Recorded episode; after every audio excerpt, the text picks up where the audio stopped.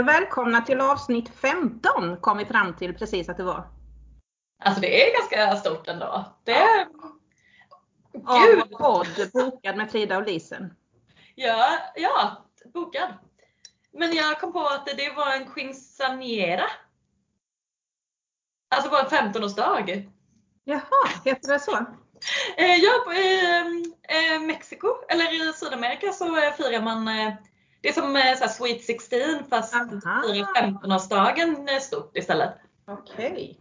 Vad trevligt. Eh, Ja, ja precis, jättetrevligt. Men jag bara på för att jag läste, eller en av böckerna som jag tänkte prata om eh, handlar om, eller börjar på en sån quinceañera. Men du, då ska vi ta den. Jag ska bara säga en sak till. Att det var ju synd att vi inte firar detta då på något lyxigt sätt. Men vi är ju fortfarande på distans, du och jag. Eh, och eh, vi kan ju också berätta då att vi skulle egentligen skåla till champagne för att vi också har skrivit om vår podd i en publikation som har kommit ut nu från Kungliga biblioteket. Där vi har skrivit om hur vi har eh, jobbat med podden. Eh, som kom ut igår. Eh, och om man vill kolla på den Mm. så heter den ju någonting. Mm. Jag tänkte man skulle hitta vad den hette också. Mm. Men eh, Vi skriver det i länklistan som Ja. vi gör med allt annat vi pratar om. ja, vi, vi, vi, vi gör det. Så vet ni det också att ni behöver inte sitta och anteckna om ni blir sugna på någonting utan det finns en liten lista eh, i anslutning till eh, avsnittet. Men du, vad är det du har läst då? Eh, jo men jag läste amerikansk jord. Ja, den har jag velat höra om. Ja, ja. Janine Cummins Mm. heter hon, författaren. Eh, och eh, den har ju kommit i svensk översättning ganska nyligen ändå. Mm. Ehm, och den utspelar sig, eller börjar eh, på en sån här 15 års, ett 15-årskalas. Ja. Som Eh. heter vad igen? Vad heter det? Quinceañera. Quinceañera. Ja. eh, 100% rätt uttal för att jag har ju läst spanska i högstadiet. Ehm, Men ehm, eh, då är det eh, en mamma och en son som är på det här födelsedagskalaset. Mm. Mm, och hela deras släkt. Men det börjar i, ehm, nu, nu, nu är jag ännu mer osäker på uttalet, men in media res. Mhm. Mm, så säger man väl när man kastas rätt in i en handling. Ingen aning. Helt Nej. okänt begrepp för mig. Okänt begrepp för dig. Ja, okej, jag vill säga att man säger så. Mm. men, men skitsamma. Man kastas rätt in i handlingen. Ehm, när, när boken börjar så eh, har den här pojken, Luca, han är åtta år gammal och han sitter och kissar Mm. på toaletten. Men låset är dåligt. Mm. Eh, så han har fått sin mamma, Lydia, att eh, vakta utanför toaletten. Okej. Så att, inte, så att inte någon av kusinerna ska gå in och reta honom när han sitter Men okej, kissar. är detta på festen? Ja, Det är alltså inte pojken som fyller 15 trodde jag. Nej, de är, Nej, han nej, är. Nej. Mm. det är hans kusin som fyller 15. Så att resten av släkten är ute på gården och de håller på och grillar och sådär. Mm. Men inne i huset så är pojken på toaletten och mamman är utanför. Yes. Ehm, och när boken börjar så kastar sig mamman in på toaletten, sliter sin son från toalettstolen och in bakom duschdraperiet. Mm. Därför att på gården så har en kartell kommit och börjat meja ner hela deras Oh. släkt. Åh fy. Så att de ligger inne och trycker på, i, i, i duschen eh, medan deras släkt blir mördad. I Åh. gården. Ja. Eh, Så att, och det, är liksom, det sätter stämningen för hela boken, att det är så jäkla intensiv spänning hela tiden. Grymt. Verkligen grymt. Fruktansvärt grymt. Ehm, och den är väldigt grym den här boken. Alltså Mm. det är, jag menar som författare kan man ju ta vissa beslut Mm. om hur hemskt man vill göra en berättelse. Mm. Och när jag läste den här boken så här önskade jag flera gånger att det hade varit en ungdomsroman istället. Mm. Så att den hade kunnat kanske ge mig lite mera hopp. Mm. Och inte varit så fruktansvärt grym mot sina Mm. karaktärer. Men vad, den är mexikansk? Eh, boken är inte mexikansk, boken är eh, från USA. Ja, okej. Men den utspelar sig i Mexiko? Den utspelar sig i Mexiko ja. Ja. Mm. Nej men jag, det bara, nu har jag ju inte mycket kött på benen men jag, det, det, det kött jag har säger mig att det är grymt i Mexiko. Eh, Ja.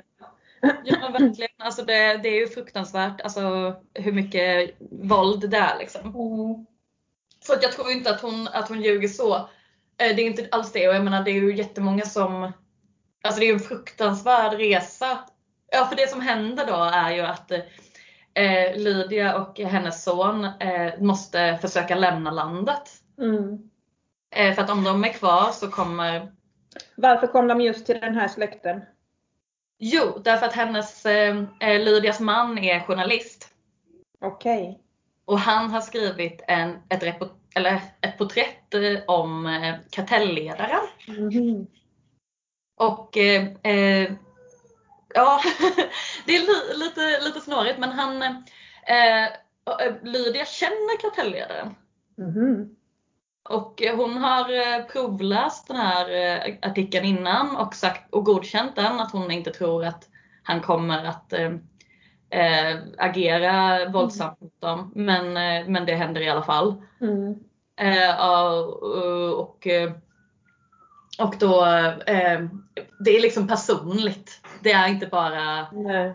journalisten som ska dö utan det är Ja, Lydia är personligt utsatt. Så att eh, hon vet att Han var där lät det som. Du sa mamman och sonen. Eller var han också där? Eller? Jo, han var, han var ute i trädgården. Okej, så han dog. Ja. Och resten av släkten hade egentligen inte med detta att göra? Utan Nej. var, nej. De, var, de var bara, ja men för att det är personligt liksom så ska Och hela de är eftersökta nu liksom? Kartellen söker Lydia och hennes son för att de vet att de har kommit undan. Ja. Ehm, Åh, ja. de som utförde själva brottet, de liksom visste att det skulle vara en kvinna och ett barn i den åldern men eftersom det var så många släktingar där så Mm. tror de att de har dödat alla. Men då har de Hur missat. fick de veta det då sen? Gick de igenom kropparna och såg vilka som var... Ja, jag tror att det, att det är så de får reda på att eh, alla har inte dött och då vet kartellledaren att de är kvar och då ska de dö och eh, då måste de lämna landet och de har de kan, inte- de kan inte ens åka hem och hämta pass och eh, ja, saker utan de får, eh, de får lämna direkt. De får sticka genast så de har inte några, några papper eller dokument på sig vilket gör att de kan inte åka, de kan inte flyga ut ur landet. Nej. Utan de behöver ta sig på samma flyktvägar som, ja, som vilken eh, migrant som helst. Men vilken tid utspelar sig den här? Är det nutid? Mm, Mm. det är nutid. Är det Trump-tiden alltså eller? Va? Är det Trump? Ja, Mm. precis. Vilket gör att ganska så snabbt börjar man ju inse att även om de lyckas ta sig till USA Mm. så är inte problemen slut där. Nej. Så att det, är liksom även att målet, även om de når målet så, så är det inte alls, det är liksom inte färdigt. Eller det Alltså, men handlar boken om deras flykt eller vad är liksom huvud... eh, Mm. Det handlar om deras flykt, ja, precis. Man får, man får följa dem eh, när de flyr igen. De, de, de måste ju ta sig igenom Mexiko och över gränsen till USA. Mm. Eh, och, eh, och då får man eh, följa deras väg och hur kantade av faror den är men också hur mycket godhet det finns, hur många det är som hjälper människor på flykt.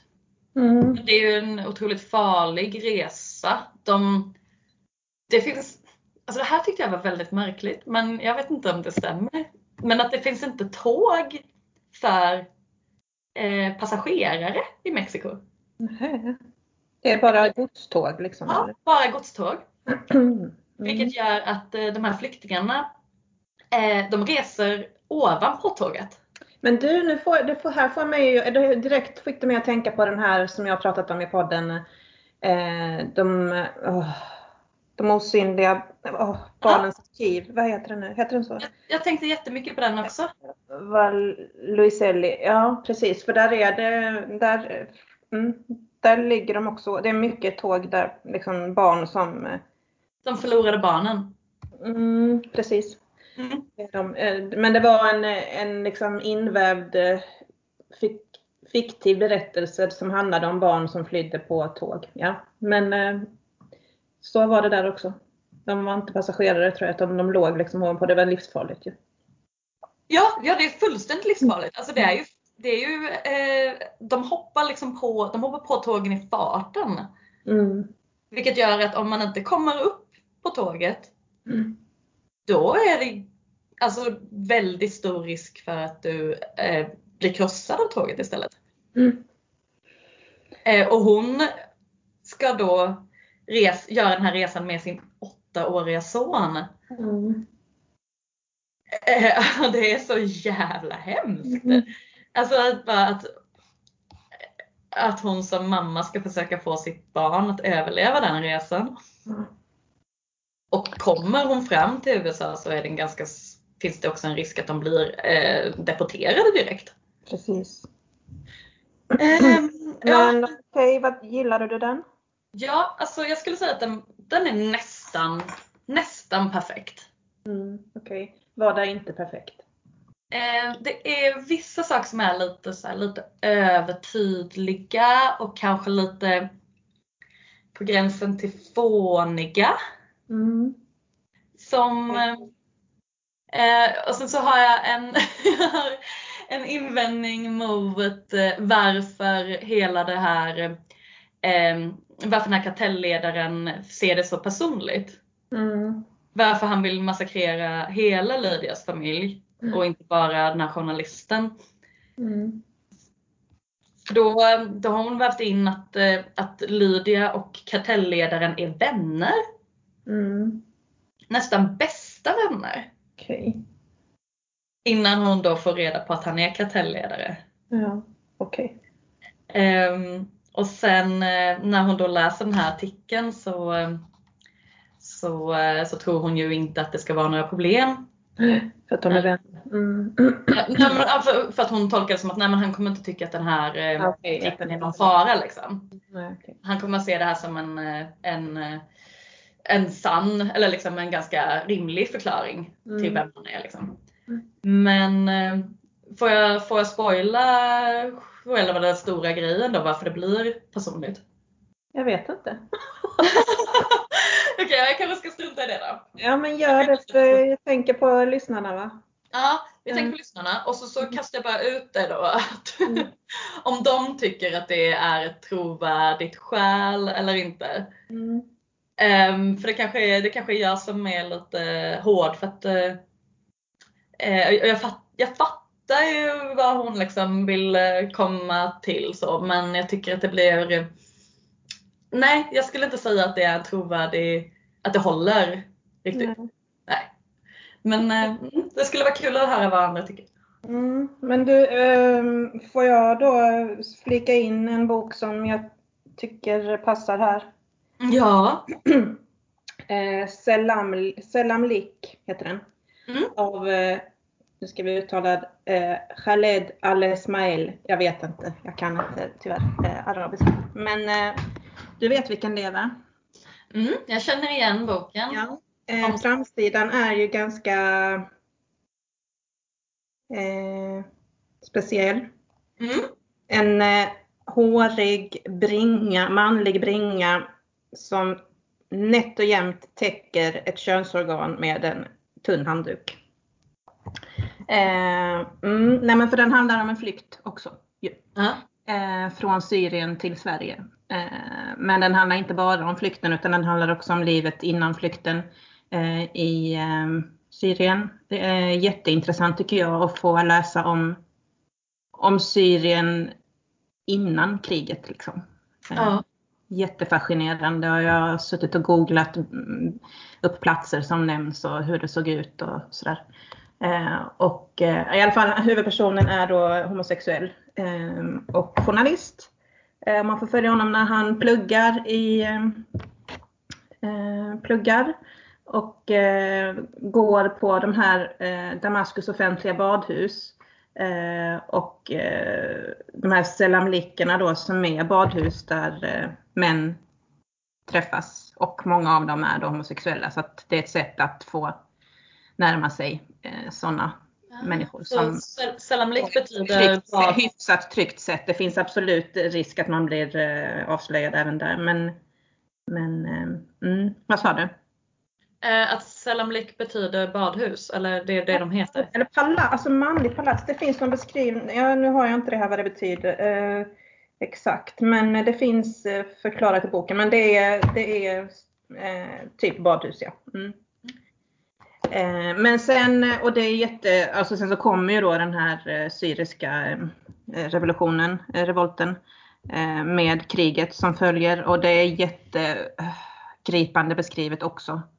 Eh, men han flyr ju då till slut eh, och kommer till ett eh, asylboende i småländska Åseda.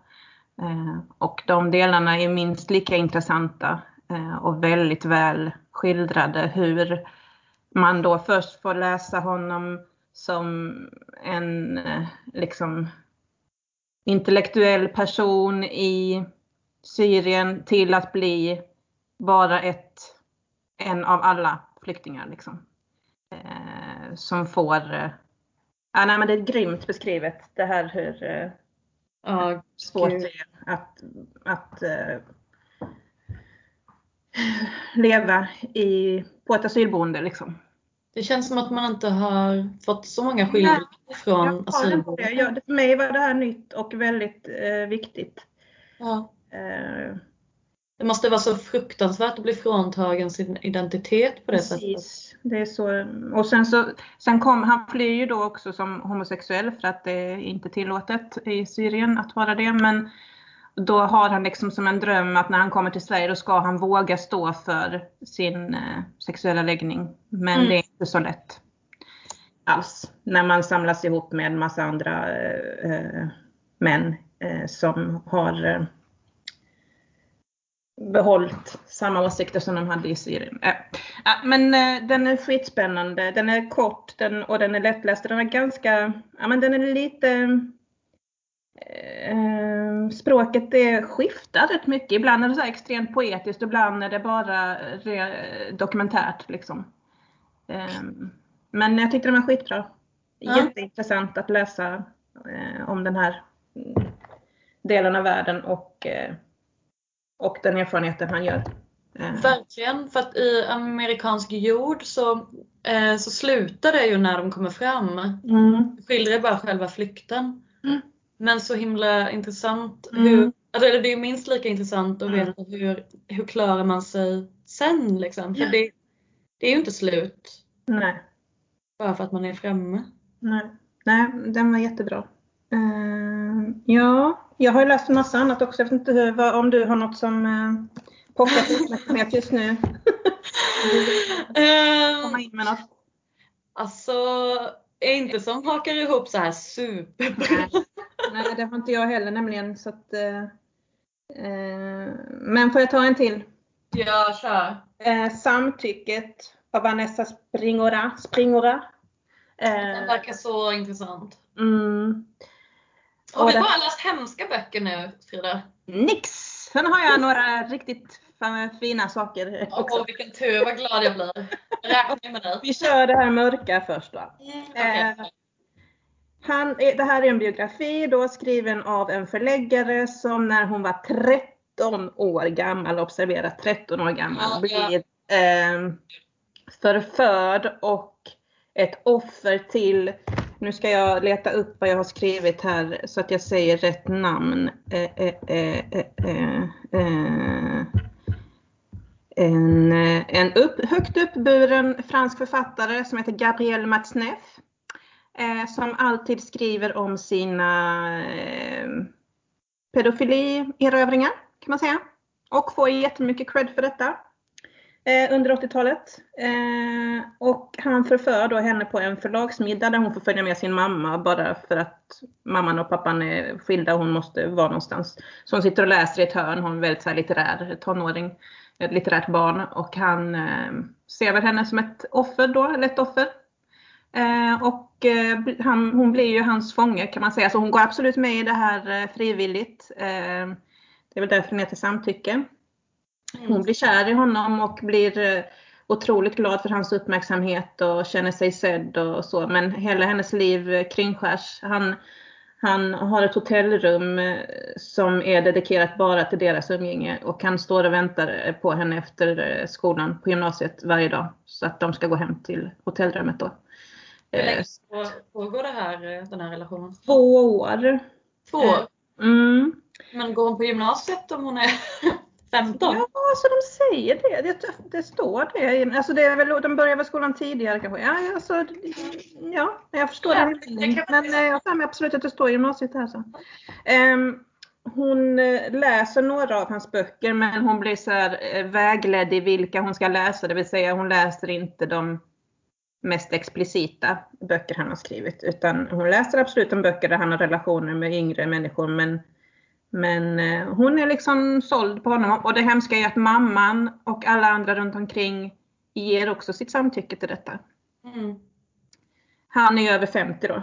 Eh, Ja, precis. Jag tänkte fråga hur gammal han var. Men han är över 50 och hon är Ja. alltså 13 till 15 år när det här pågår. Och alla, alla är okej med det. Det är ingen som säger, Nej. ingen som Jag frågar. vill läsa lite har jag tänkt. Ja. Eh, Mm. För att hon får ändå en chock. När han, han är bort, hon, hon, det här är, pågår då och hon är kär i honom. Liksom, men hon tycker också det är liksom jobbigt att hela hennes liv eh, består bara av honom. Liksom. Eh, Men när han är iväg på en resa så börjar hon ändå läsa några av de här böckerna som hon inte skulle läst då. Mm. Och där skri läs, skriver hon så här. Jag tänker på hans läsare. Plötsligt ser jag för mig hur gamla snuskgubbar, som genast förses med ett likaledes motbjudande utseende, äggar upp sig över beskrivningarna av barnkroppar. När jag själv blir en av huvudpersonerna i Gs romaner och i hans svarta skrivböcker blir jag då också onanimaterial åt läsare med pedofila böjelser. Om G verkligen är den perversa typ jag så ofta hört honom beskrivas som, det samvetslösa svin som till priset av en flygbiljett till Filippinerna unnar sig en orgie med 11-åriga pojkkroppar och tycker att det räcker att köpa en skolväska för att rättfärdiga sitt beteende. Gör det då även mig till ett monster. Jag försöker genast avfärda tanken, men giftet har redan trängt in i mig och börjar nu att spridas. Ehm, så när hon förstår att, alltså för han skriver ju om henne också, hon vet ju att han, hon kommer att bli eh, Ja. förekomma i hans romaner så får hon panik. Liksom. Eh, och hon kan inte göra någonting åt det. Ehm, han kommer att skriva om henne och det gör han ju också. Så att eh, efter det så vill hon ju då försöka göra ett slut på det här eh, och det gör hon ju till slut då. Men, eh, och så problematiserar hon det här på ett eh, väldigt bra sätt. Ändå är ju vår kärlek unik och upphöjd. Jag har hört honom upprepa det så många gånger att jag till slut tror på dess översinnliga dimension. Stockholmssyndromet är inte bara löst prat. Varför skulle inte en 14-årig flicka kunna älska en 36, eh, en 36 år äldre man? Hundratals gånger har jag vänt och vridit på den frågan utan att förstå att den var fel, felställd från början. Det var inte min dragning till honom som behövde skärskådas, utan hans till mig. Eh, det är det som gör det. Alltså, det är klart att man kan bli kär i någon som är äldre, men det är ju inte det som sker, utan det är ju att han, eh, han våldför sig på henne. Liksom. Och att hon ju också ser sig, alltså hon ser ju sig så, så himla aktiv i den här relationen. Hon beskriver ju, alltså det du läste upp, Mm. att, att det hon skulle vara ett monster. Precis. Ja, men att hon liksom går med på detta. Hon vet vad, vad han ska ha det till och ändå gör hon det. Liksom. Men Ja, men det är Mm. ingenting av det här är ju hennes fel. nej, nej, nej, visst. Och det dröjde jättelänge. Jag såg någon intervju med henne nu. Det dröjde jättelänge innan hon kunde inse det ju. Ja. Mm.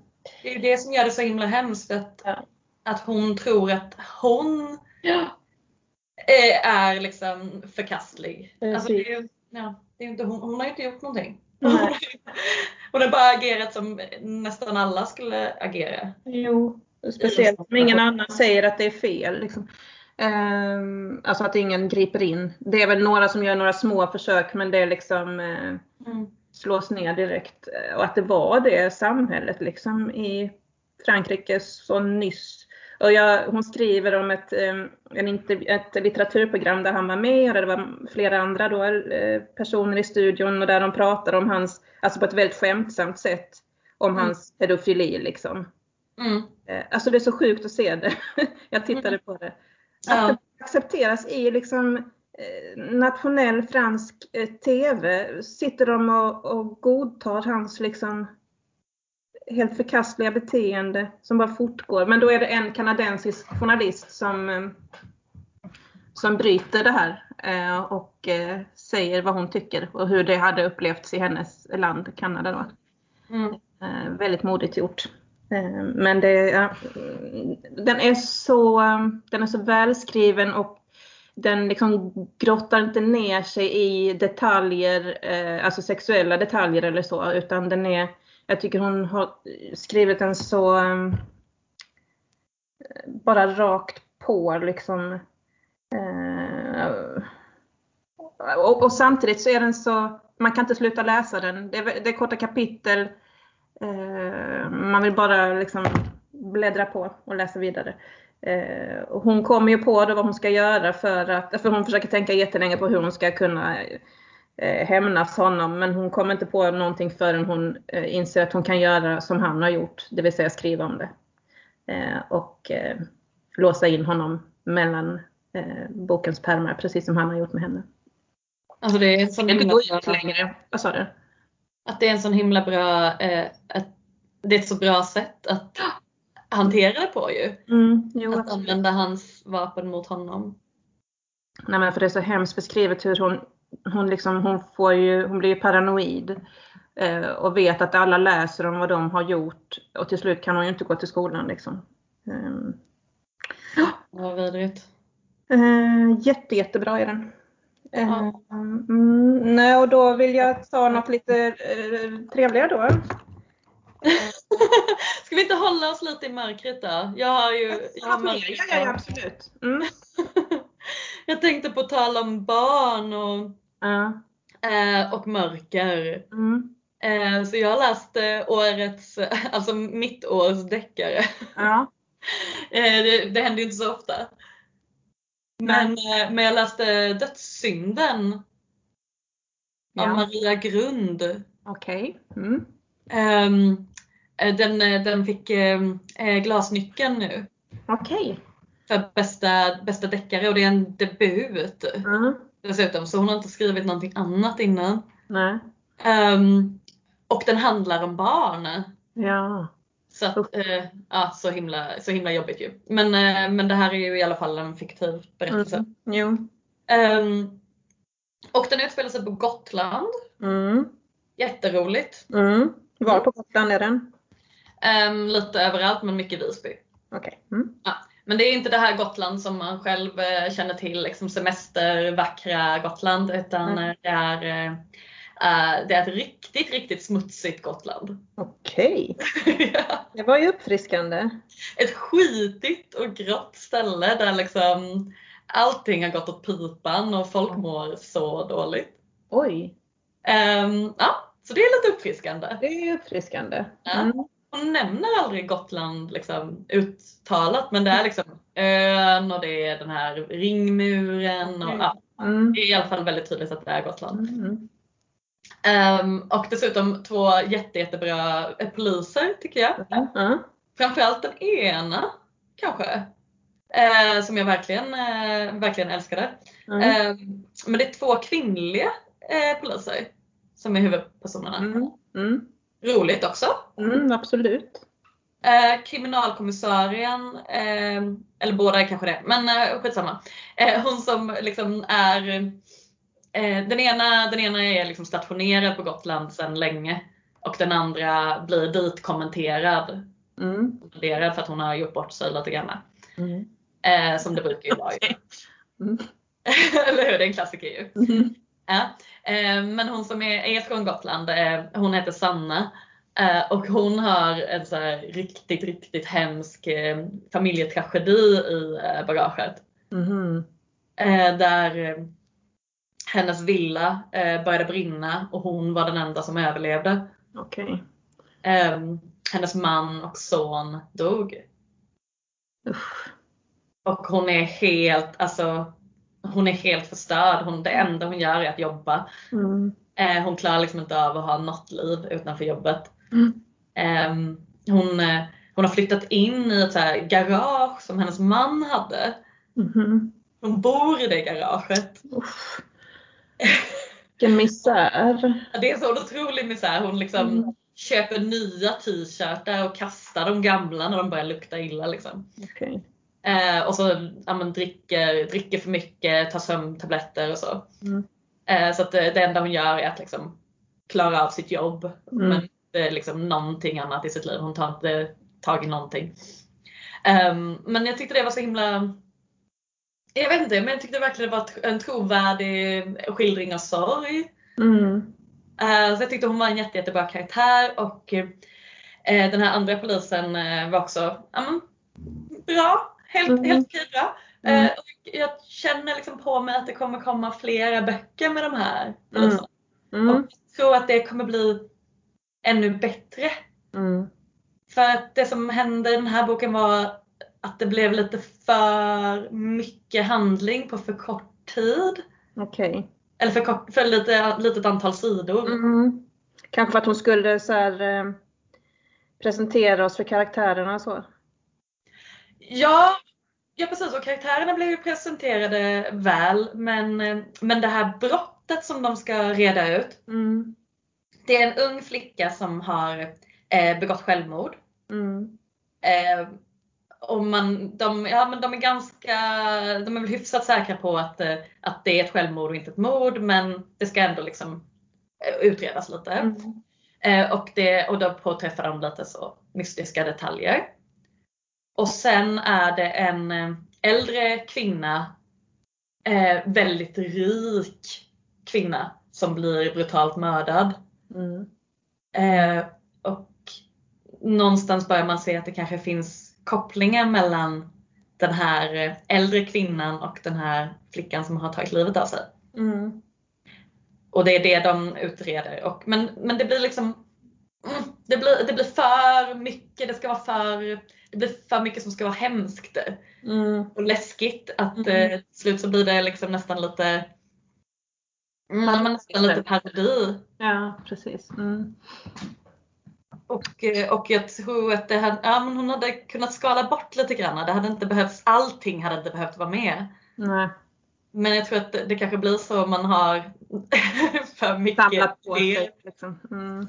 Ehm, men, men jag tänker att till nästa bok, då kommer allt det här överflödet kanske att inte vara lika um, hon kanske, kanske kommer liksom kunna skala mera då. Kanske Mm. kommer kunna redigera bort mer. Mm. Och, liksom, och grejen att och då liksom verkligen våga eh, låta resten av handlingen ta för sig. Mm. Brodera ut det som finns med. Mm. För nu blir det nästan som att man Jaha, så var det det och så var det det och så var det det. Eh, man hinner liksom inte landa i de olika, olika delarna av brottet. Nej, jag fattar. Men du verkar ändå ha uppskattat den. Mm. Ja, men det var många delar som var, eh, som var riktigt, riktigt bra. Mm. Men, eh, men ja. Lite, jag, tror att, jag tror att nästa, jag tror att uppföljaren kommer bli bättre. Bättre. Mm. Vet du vad, nu ser jag att eh, vi har pratat jättelänge. Är det sant? Ja. Men du, Vi får ha det här avsnittet som det mörka avsnittet. Eh, avsluta med ett kort tips på vad vi kan läsa för att Okej, då tar jag min senast lästa Feel Good. Eh, som är helt ny också. Utloggad av Lilly M. Mhm. Som bor i Sverige men den utspelar sig i eh, Storbritannien. Ja. Eh, handlar om en, eh, för, en det, det är första delen i en serie som heter Skrivsystrar. Så det är fyra kompisar som alla har författardrömmar. Och där tre av dem har fått eh, eh kontrakt och eh, skriver och är utgivna. Men den fjärde, hon har fortfarande bara blivit refuserad. Och det är henne vi får följa. Eh, jättefin. Alltså det är feelgood, noll romantik. Vilket var rätt skönt. Jag kom på det på slutet. Att det här handlar ju bara om vänskap och om skrivande. faktiskt. Men gud vad spännande. Mm. Jättemysig, perfekt eh, feel good. Jag Gud vad härligt. du skulle, ful framsida, det får jag tyvärr dra ner betyget lite men, men annars är den jätte, jättehärlig. Varför kan de inte bara göra fina framsidor? Precis. sånt här fotomontage med en liten katt i kattsvans och så en eh, tebok, eh, tekopp och en trasig mobilskärm. Typ. Okej, eh, jag, koll- ja, jag ser kattsvansen. eh, jag, jag skulle ändå säga att det ser ut som en vanlig feel bok Jag tycker den är lite fulare. Men vi tycker ändå aldrig samma så det är skitsamma. Men eh, nästa avsnitt kan vi försöka bli lite ljusare kanske.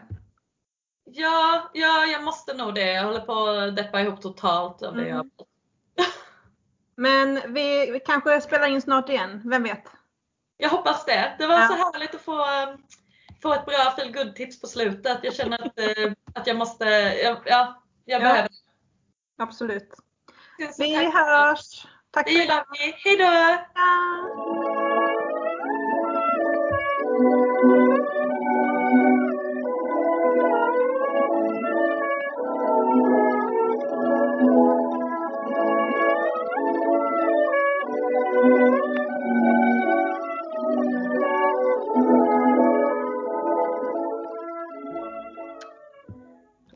Är, vilket avsnitt är vi på? Är det 15? Mm, Jag vet inte. Ehm, Jag, jag kan inte få bort ljuden. Alltså, Nej, nej, gud ja. Nej, det kan inte jag heller. det, bara, det kommer oavsett. Jag sätter mig att jag är upptagen, att jag stör i. Eh, det, liksom, det hjälper inte. Nej. Men eh, vi får stå ut med, vi får hoppas att det inte kommer så mycket sånt då. Ja. Men vilket avsnitt vi är på ja. Eh, Eh, jag är inne kollar. Jo, 15. 15, okej. Avsnitt 14 hette Förundrad och traumatiserad. Japp, stämmer.